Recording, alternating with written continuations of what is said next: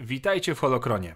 Dzisiaj poznacie lepiej tak zwane miejsca mocy, zarówno jasnej i ciemnej strony, czyli nexusy, zwane też miejscami wergencji, w zależności czy mowa o legendach czy kanonie. Zapraszam. Zaczniemy od kanonu.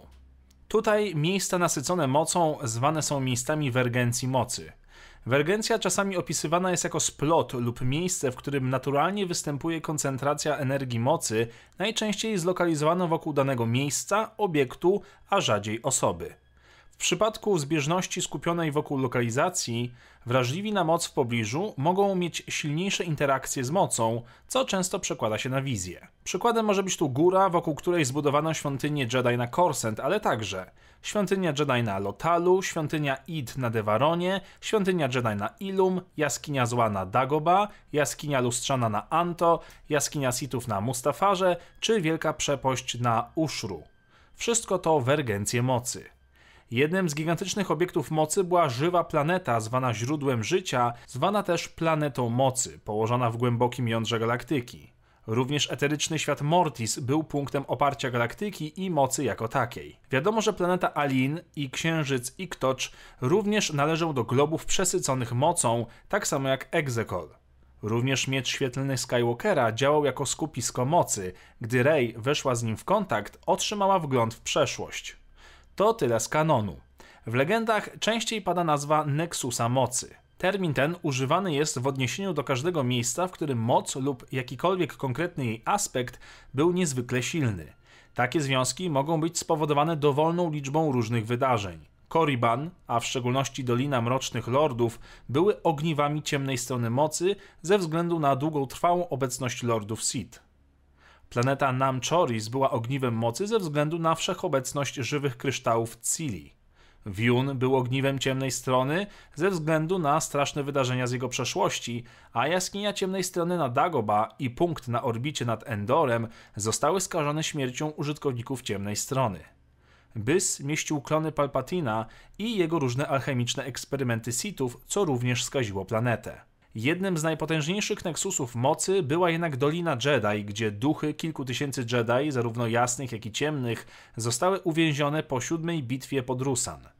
Zgromadzona tam energia była praktycznie nieograniczona. Obiekty pozostawione w obecności splotu mocy przez dłuższy czas w końcu zostały nasycone mocą, dając im specjalne właściwości, takie jak przykładowo ostrze, które nigdy się nie stępi, czy zdolność wysysania mocy z przeciwnika, a także używanie błyskawic, czy zdolność do wzmacniania percepcji czasu.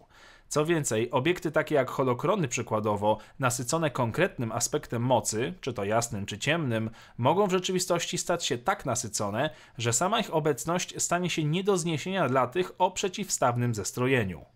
W 29 roku przed bitwą o Yavin Obi-Wan Kenobi i Anakin Skywalker napotkali splot potężnych energii ciemnej strony w podwodnym kraterze gejzeru na planecie Kodai, gdzie ukryto starożytny holokron Sithów króla Adasa.